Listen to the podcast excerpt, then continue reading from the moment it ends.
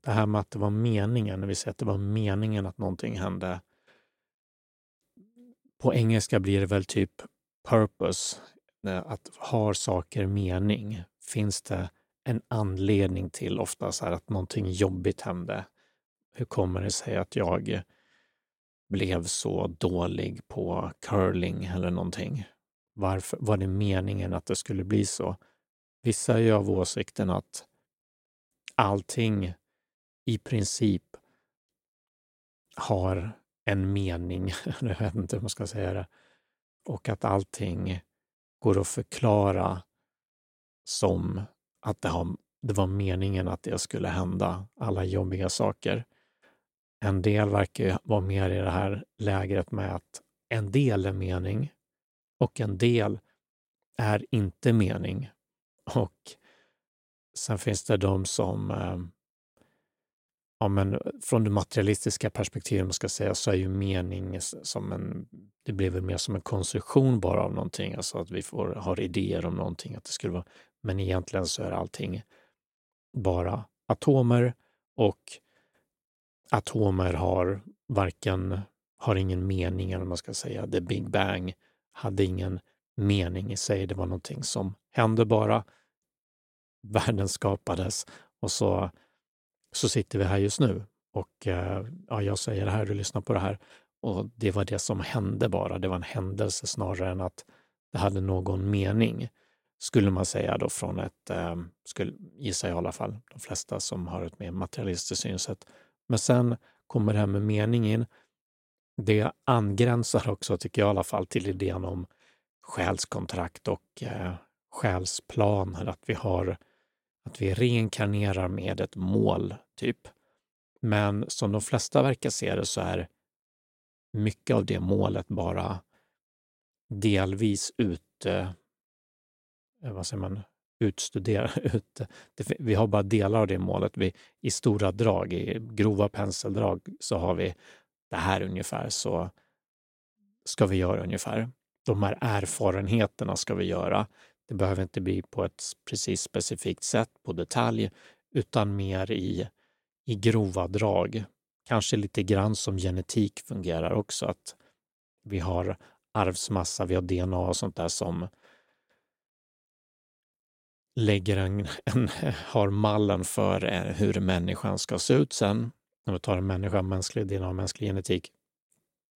Men det är inte satt i sten allting exakt, utan det finns all information finns inte där i generna och eh, det, vissa gener kan slås av och på och sådana grejer. Det finns epigenetik och det finns miljöfaktorer och sånt som påverkar också hur eh, utseendet av eh, en, en människa då blir eller hur personligheten blir eller vilka erfarenheter de gör och så vidare. Så vi ser det där också.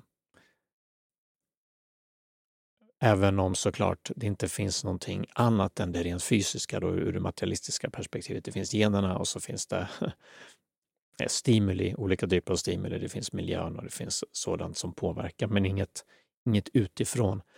Fri vilja är ju såklart också en av de här sakerna ur ett materialistiskt perspektiv. Så finns det ju, tror jag de flesta anser i alla fall, ingen fri vilja eftersom allt ändå är atomer. Allting är genetik och eh, ehm, biologi, kemi, fysik, vilket perspektiv man vill, man vill ta på världen, men det är ingenting där det finns någon fri vilja, för allting är bara fysiska saker. Men pratar vi själar, själskontrakt och det här när det börjar komma mening och det också börjar, där börjar det också komma fri vilja. Så vi har både att det finns mening eller att vi kan säga att det var meningen på grund av kanske då ett sånt här själskontrakt eller på grund av att man har manifesterat det. Det är också ett sånt, en sån idé som kommer med det, att vi manifesterar saker, attraktionslagen, law, the law of attraction, att vi drar till oss saker ungefär på grund av kanske själskontraktet vi har ingått i eller själsplanen eller vad man ska kalla det. Det, det vi tänkte ut innan reinkarnationen då skulle spela ut sig som har att göra med de lärdomarna vi vill göra eller vad det nu är för någonting. Nu tappar jag bort mig. Själskontraktet, frivilliga, ja. Och där verkar det vara i den här äh, i själsplanen eller det här grova penseldragen för vad vi ska åstadkomma på jorden då om vi reinkarnerar där, så verkar det som att det ingår då ett visst mått i alla fall av frivilliga så att vi inte helt bundna av själsplanen. Vi kan misslyckas med den och vi kan göra den. Och här blir det intressant såklart med den debatten som varit med att eh, Kalla fakta-dokumentären som pratar om att ehm, eh, locka till självmord, om att vissa människor säger att man ska inte lägga sig i, men andra människors vilja, det var den här Karin Johansson, eller vad hette, Karin Jonsson, där i som sa, hade både där man ska inte lägga sig i någons eh, transformation då, ett annat ord då för, för självmord i det här sammanhanget. Och man ska inte, hon gav tipset till en annan att man ska inte försöka stoppa någon, man ska inte försöka hindra någon som begår självmord, utan för det är egoistiskt och det går emot karmalagen. Så det fanns någon idé om karma då med att, som också hänger ihop med det här, finns det någon mening, frivilliga eh, själsplan. Karma är såklart också en sådan sak som vad som hänt i tidigare liv påverkar oss i det här livet. Så det är inte ens att bara att vi dragit till oss det i det här livet eh, på grund av vårt beteende eller vad det nu är. Varken medvetet eller omedvetet. Det kan vara utan att vi drar till oss det från på, eller på grund av saker som hänt i för tio liv sedan exempelvis. Den karman fortsätter och for, här då är också såklart en, en idéströmning, strömning, inte strömming, det blir såklart svårt att förhålla sig till. Här för mig i alla fall, jag ska gå tillbaka till det här med eh, det som hon sa om att man inte ska hindra någon, apropå det här med fri vilja. Så enligt henne, så då karmalagen, så ska man inte försöka stoppa någon från att begå självmord, för då går man emot deras vilja och det kan ju låta eftersträvansvärt till viss del att inte stoppa någons fria vilja, för det är ju att begränsa någon i sitt liksom naturliga uttryckande, man ska uttrycka det. Men vad som är intressant tänker jag att det blir likt hur det blir med de här äh, idéerna om det inte finns frivilliga, om det finns frivilliga, om det, det finns de här själskontrakten, hur mycket de styr inte, om det är karma som styr inte. Det blir svårt för att man kan liksom inte reda ut det riktigt och det blir nästan som vad man ibland kallar det för eh, oändlig regression i, matematiken brukar man säga så att eh, vi eller ett cirkelresonemang eller ett icke-resonemang, icke hur man ska uttrycka det. Det, säger, det liksom ger ingenting i slutändan. Jag ska se om jag kan, ska se om jag kan förklara lite bättre. Men i fallet med att inte säga till, att inte styra någon, bara visa på hur det blir även ur argumentet att vi inte ska påverka någons fria vilja. För hur gör vi det då? Ja, då skulle det kunna vara det i det här fallet. Så, så vill säga det är den högsta principen, inte påverka någons fria vilja. Vi ska inte stoppa någon från sitt eh, fria uttryck. Och då ger vi rådet då, eller då ger hon rådet till en person att hon inte ska försöka göra någonting. Men då inverkar hon ju potentiellt på den personens fria vilja. Hon som, hon som ställde frågan. Hon frågade eh, där hur hon skulle göra då. Och då sa han, jag, sk jag skulle, man ska inte påverka, sig. jag skulle inte påverka, det är egoistiskt och så vidare. Då när hon säger det, Karin Jonasson, Karin, jag kan inte komma ihåg vad hon heter, så, så inverkar hon ju på den här personen som hon pratar med fria vilja eftersom den blir då begränsad om hon försöker, jag antar att du förstår, hon försöker påverka en att inte påverka en annan. Så det, det är ju tillbaka till, då går ju hon emot karmalagen. Hon går emot den personens fria vilja. Den här personen kan jag ha tänkt att jag borde eh, stoppa henne. Jag vill stoppa henne. Liksom, jag vill stoppa den här min kompis från att begå självmord. Men då säger Karin, nej men så ska vi inte göra, för det går emot karmalagen. Men när du säger det, när du säger att att man inte ska göra så, så går du själv emot karmalagen. Så vad ska man göra om man inte ska påverka någons fria vilja överhuvudtaget? Ja, det går ju inte. Precis som det inte går att komma ur det här äh, att vi måste välja saker hela tiden och att vi påverkar även när vi försöker att inte påverka. Icke som eh, eh, ja, men all, alltså att inte svara på en fråga, att säga så här, jag har inga kommentarer, ungefär. då, då säger vi, jag har inga kommentarer på en fråga. Men det är ju också att göra någonting, att också att välja någonting. Vi väljer att inte säga någonting och det har många gånger en påverkan. Det kan påverka Ja, men som om man väljer, som i det här ämnet med Kalla fakta till exempel, man väljer att inte uttala sig då som eh, andlig utövare eller något sånt, så säger man, ja, men jag säger ingenting, jag vill inte prata om det där och så. Det lägger jag mig inte i.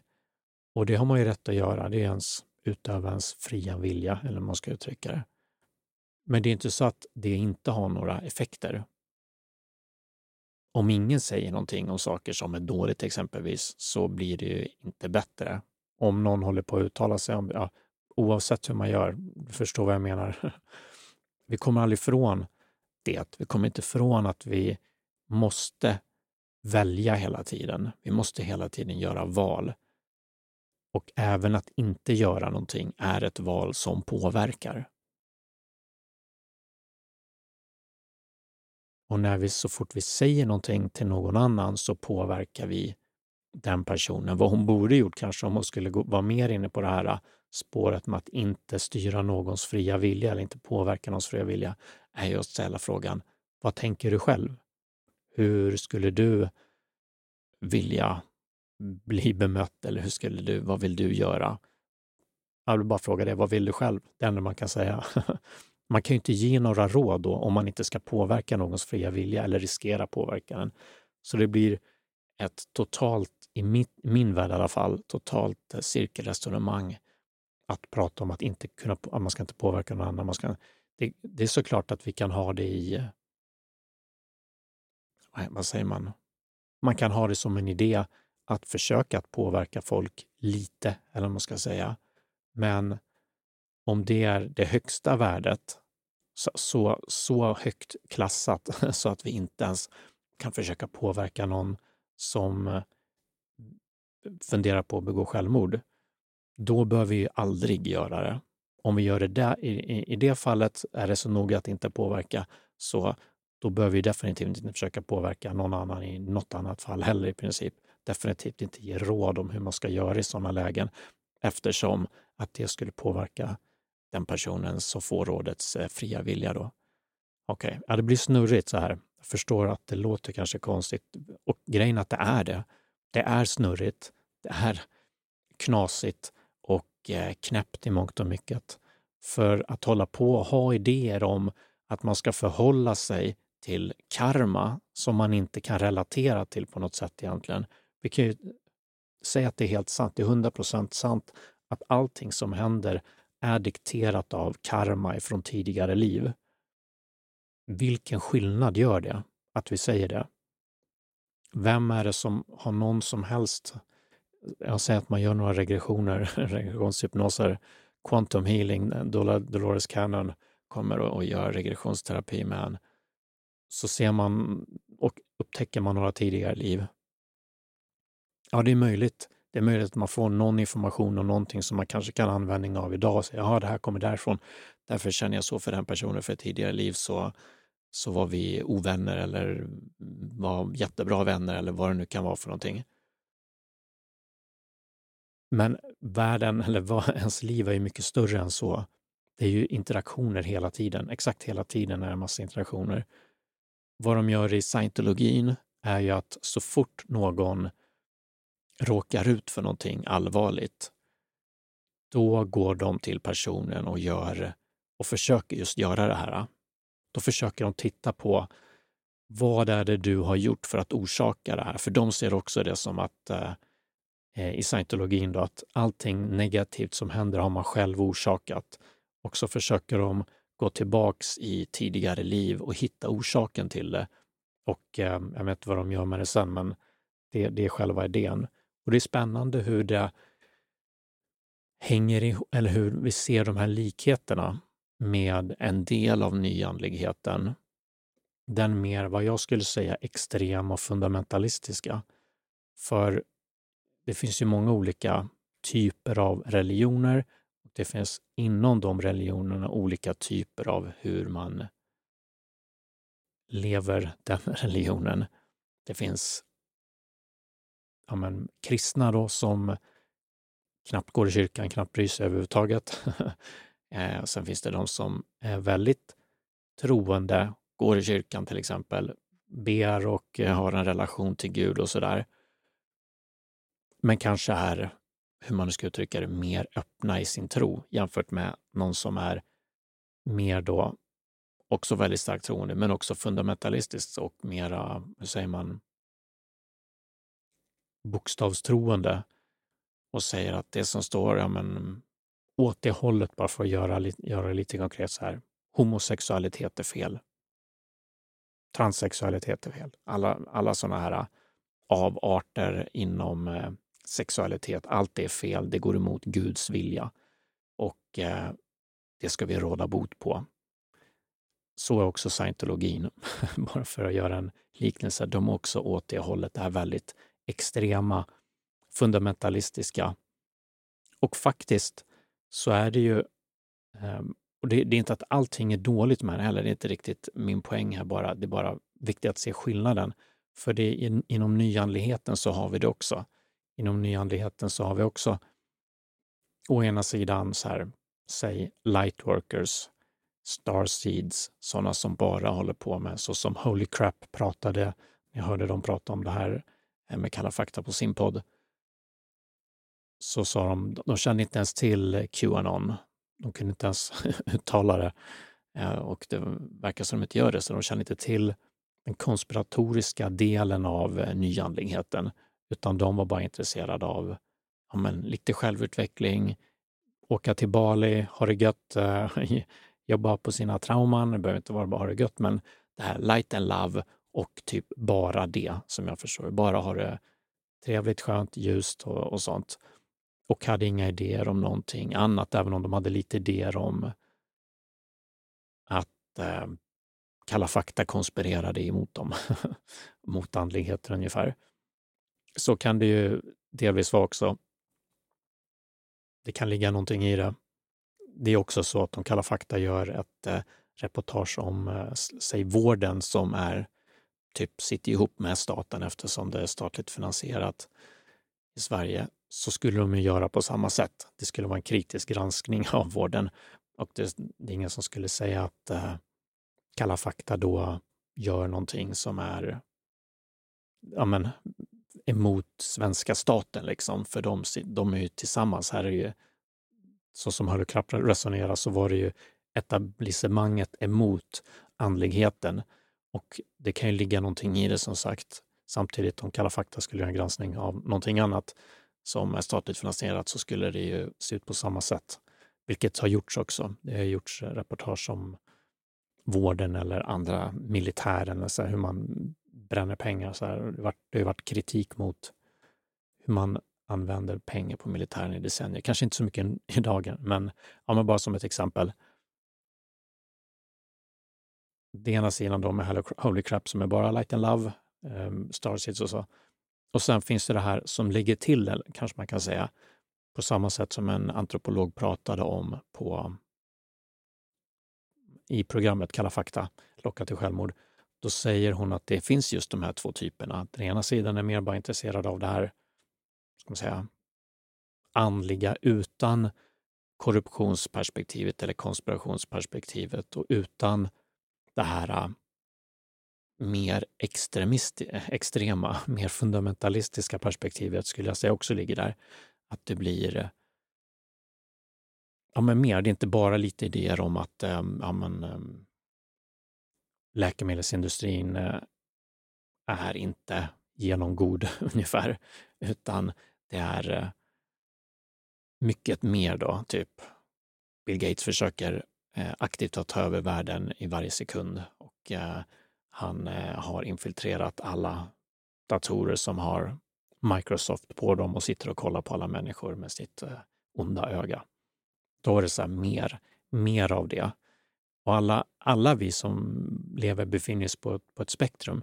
Vissa tror eh, ingenting på konspirationer och sen allt det där är bluff och båg och andra tror på varenda konspiration de läser. Och eh, sanningen brukar ju finnas någonstans. Det är svårt att säga vad den är. Jag försöker bara lägga upp perspektiven här lite grann.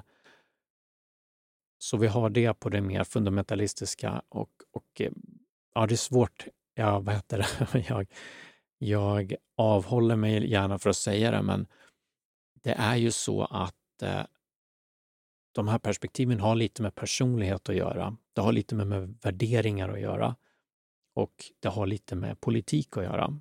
Eftersom politik är ett resultat av ens värderingar väldigt mycket och ens värderingar är, om vi pratar heter det, biologin, har man sett att väldigt mycket av ens personlighet och värderingar och sådant härstammar från ens biologi helt enkelt. Det är väldigt mycket bara vad man känner är riktigt. Så det, Jonathan Haidt, en professor, moral, eh, moralprofessor, om man ska säga, pratar just om moraliska intuitioner, att vi har, får intuitionen att eh, gilla någonting jämfört med att gilla någonting annat.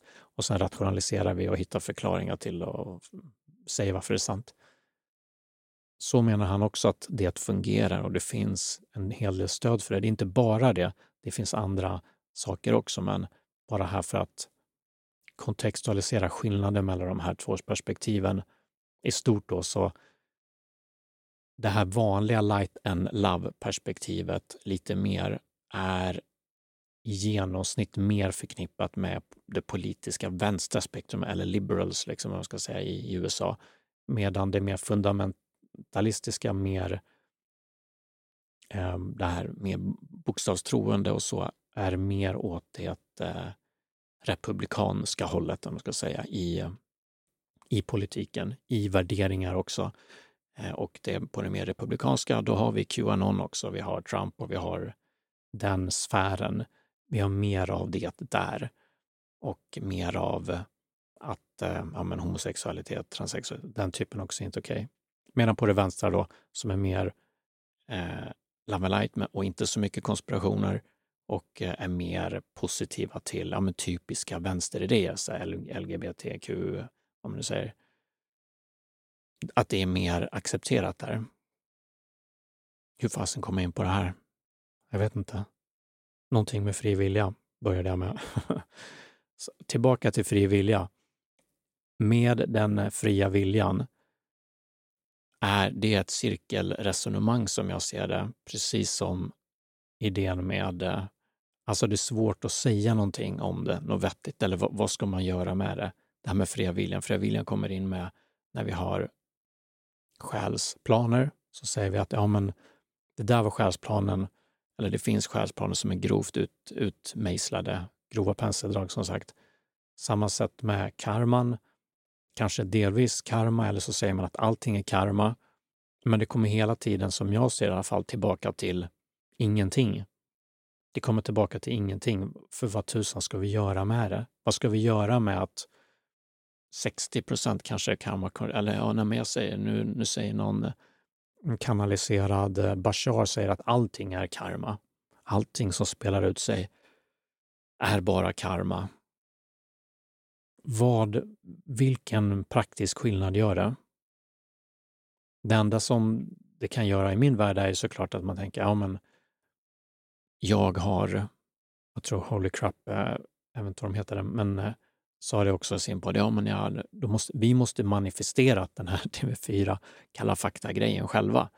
Det måste vara vi som eh, någonstans eh, har om, på något omedvetet sätt manifesterat det. Och säga att det är så.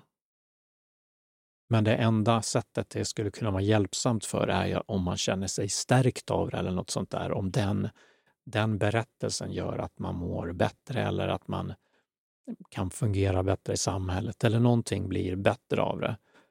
Men det finns det är inget sätt eh, som vi kan testa det på. Och om allting är, alltså, speciellt om man inte själv på något sätt är medveten om det eller kan se hur man har gjort det. Eh, jag, I alla fall i min värld, jag fattar inte vad man ska ha det till. Vad ger det för, vad är det för ens idé att prata om det så som jag gör nu. Jag vet inte. Och det är lite grann samma sak med den fria viljan. Man har ju sett i studier att om man säger till folk att de inte har någon fri vilja så verkar det som att folk beter sig lite mer oetiskt, i alla fall för stunden. Men i övrigt så lever vi ju våra liv. Vi går omkring och gör de saker vi tycker är viktigt och vi gör, blir irriterade på saker vi tycker är eh, irriterande. Vi blir glada, sånt vi blir glada av. Och, ja. Det gör ingen skillnad om allting är, låt säga förbestämt, om allting är karma, om allt är förutbestämt, om det är predeterminerat. Så som eh, om en igen en del vetenskap säger också då, eller en del, i alla fall ur det materialistiska perspektivet, att allting är förutbestämt. Allting är bara de här atomerna som studsar och det finns ingen fri vilja där. Det finns såklart ingen själskontrakt eller något annat ur det perspektivet, men allting är förbestämt. Men om det är sant så är det ju ingenting jag märker av i min vardag. Jag märker verkligen varken av om det är förutbestämt eller inte. Och det finns inget sätt jag kan testa det på heller. Och även om jag visste det, även om vi säger att det är bevisat att det är sant, att allting är förutbestämt. Så igen, vad blir, vad blir skillnaden? För mig tror jag det är nästan samma sak som, jag vet inte om det är någon bra liknelse, men när folk, eh, en del har hävdat att anledningen till att man inte att inte amerikanska staten vill berätta att de har sett alla de här ufona och det finns alla de här aliens och sånt som kommer fram mer och mer nu, att de säger att det finns. Anledningen till att de inte säger det är för att folk skulle bli, få, få spelet ungefär. Det skulle bli helt, eh, alla skulle bli helt knäppa och galna. Min bild är att det knappt eh, skulle hända någonting, utan folk skulle fortsätta sina liv precis som innan det skulle vara någonting som var intressant några dagar. Det kanske skulle bli en grupp som blev så här, typ som när Turtles kom, så var det folk som gick ner i klakerna och låtsades att de var Turtles. Men inget mer. För vad ska man göra med det sen? Det är bara information om någonting.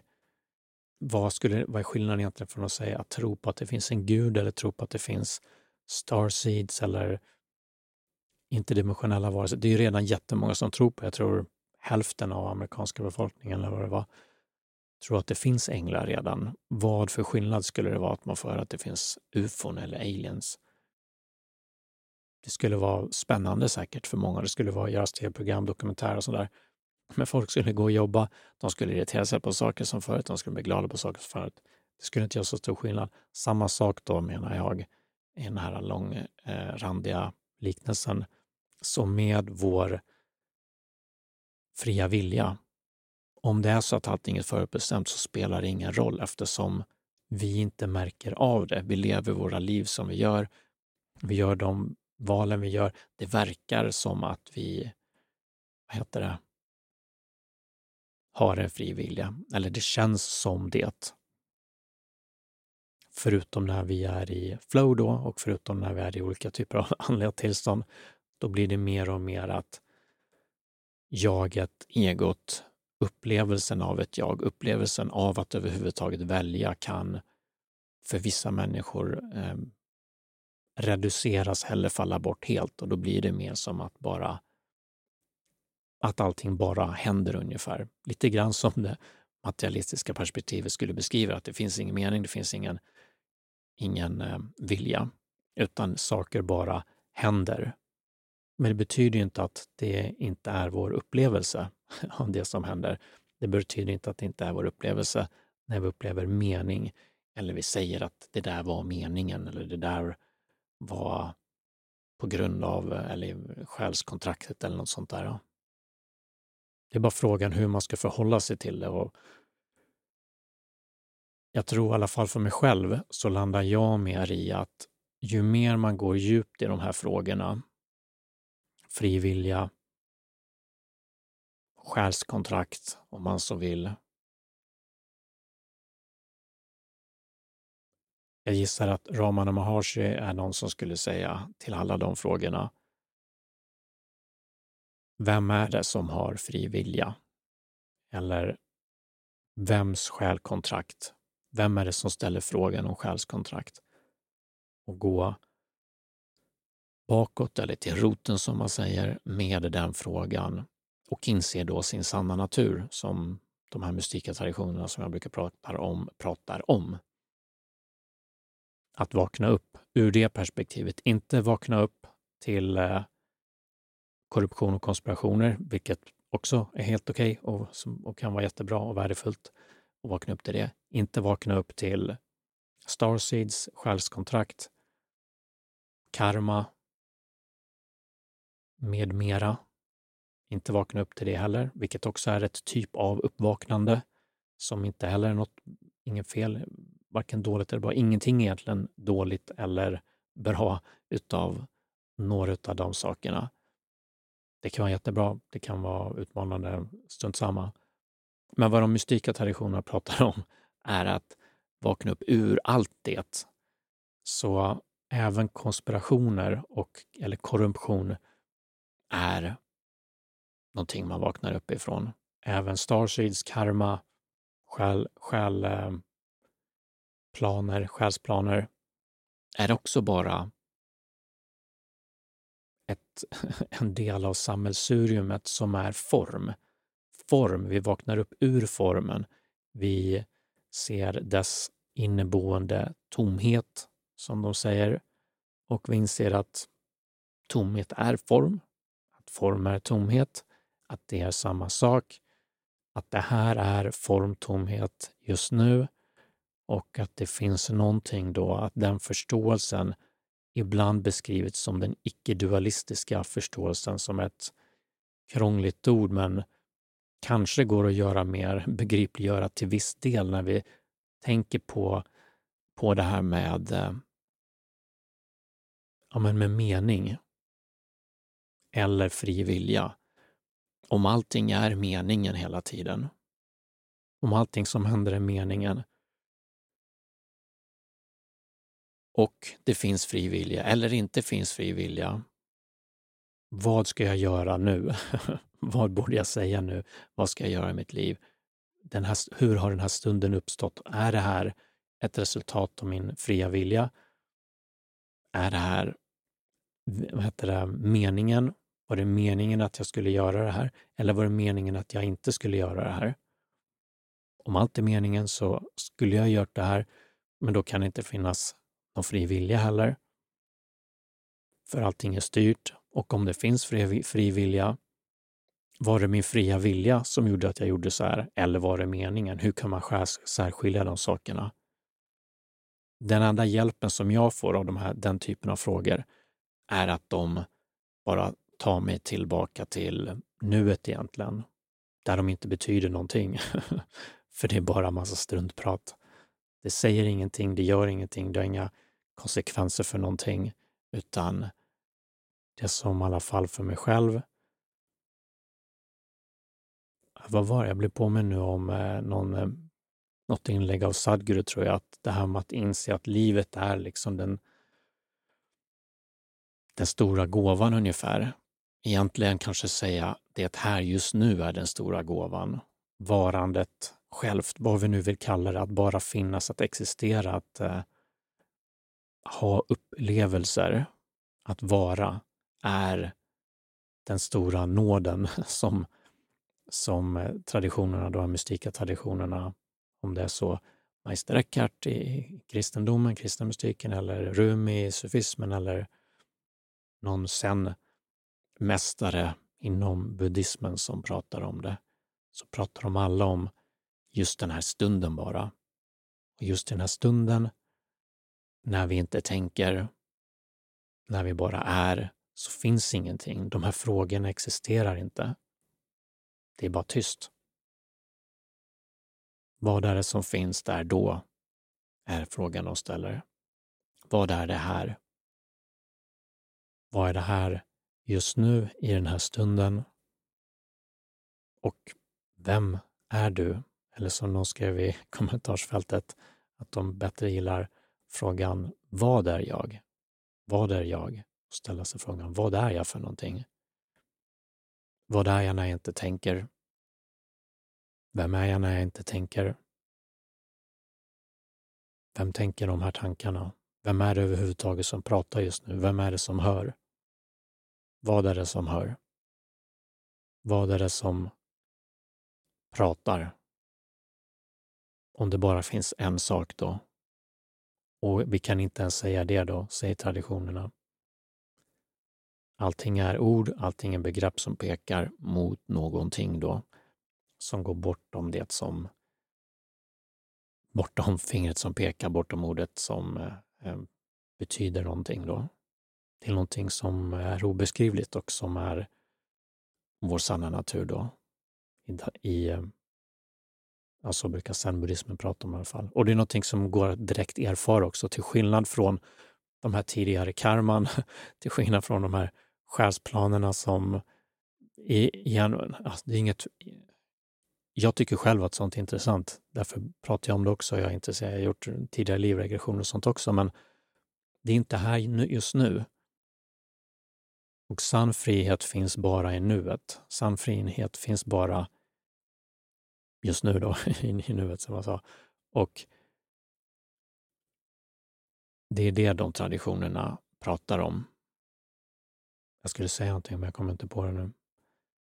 Men att vakna upp, att vakna upp till nuet, till jaget, till det sanna självet, till det stora självet, till Gud, till alla, till vad man nu säger för någonting.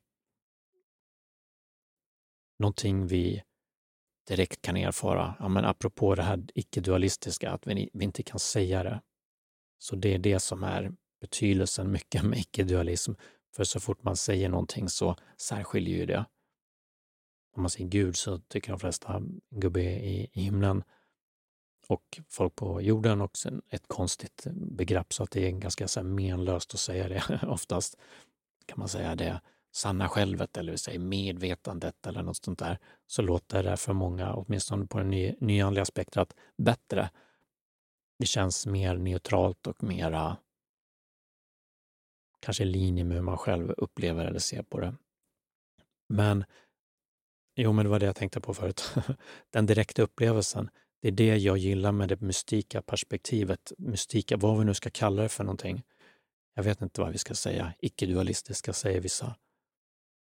Det handlar om direkta erfarenheter just nu. Inte om inte en idé om en själsplan som man kan göra regression för att förstå sig på, vilket kan vara meningsfullt och trevligt och bra, givande. Inte om eh, frågan om det finns, eh, om det här var mening eller inte. Vilket också kan vara bra, vilket kan vara meningsfullt om vi blir stärkta av det och så utan bara vakna upp i nuet och glömma de grejerna åtminstone för en stund och känna smaken av frihet bortom begrepp, bortom koncept, bortom idéer om eh, själsplaner, idéer om fri vilja, idéer om någonting överhuvudtaget och bara, som de säger, hitta hem. Tack.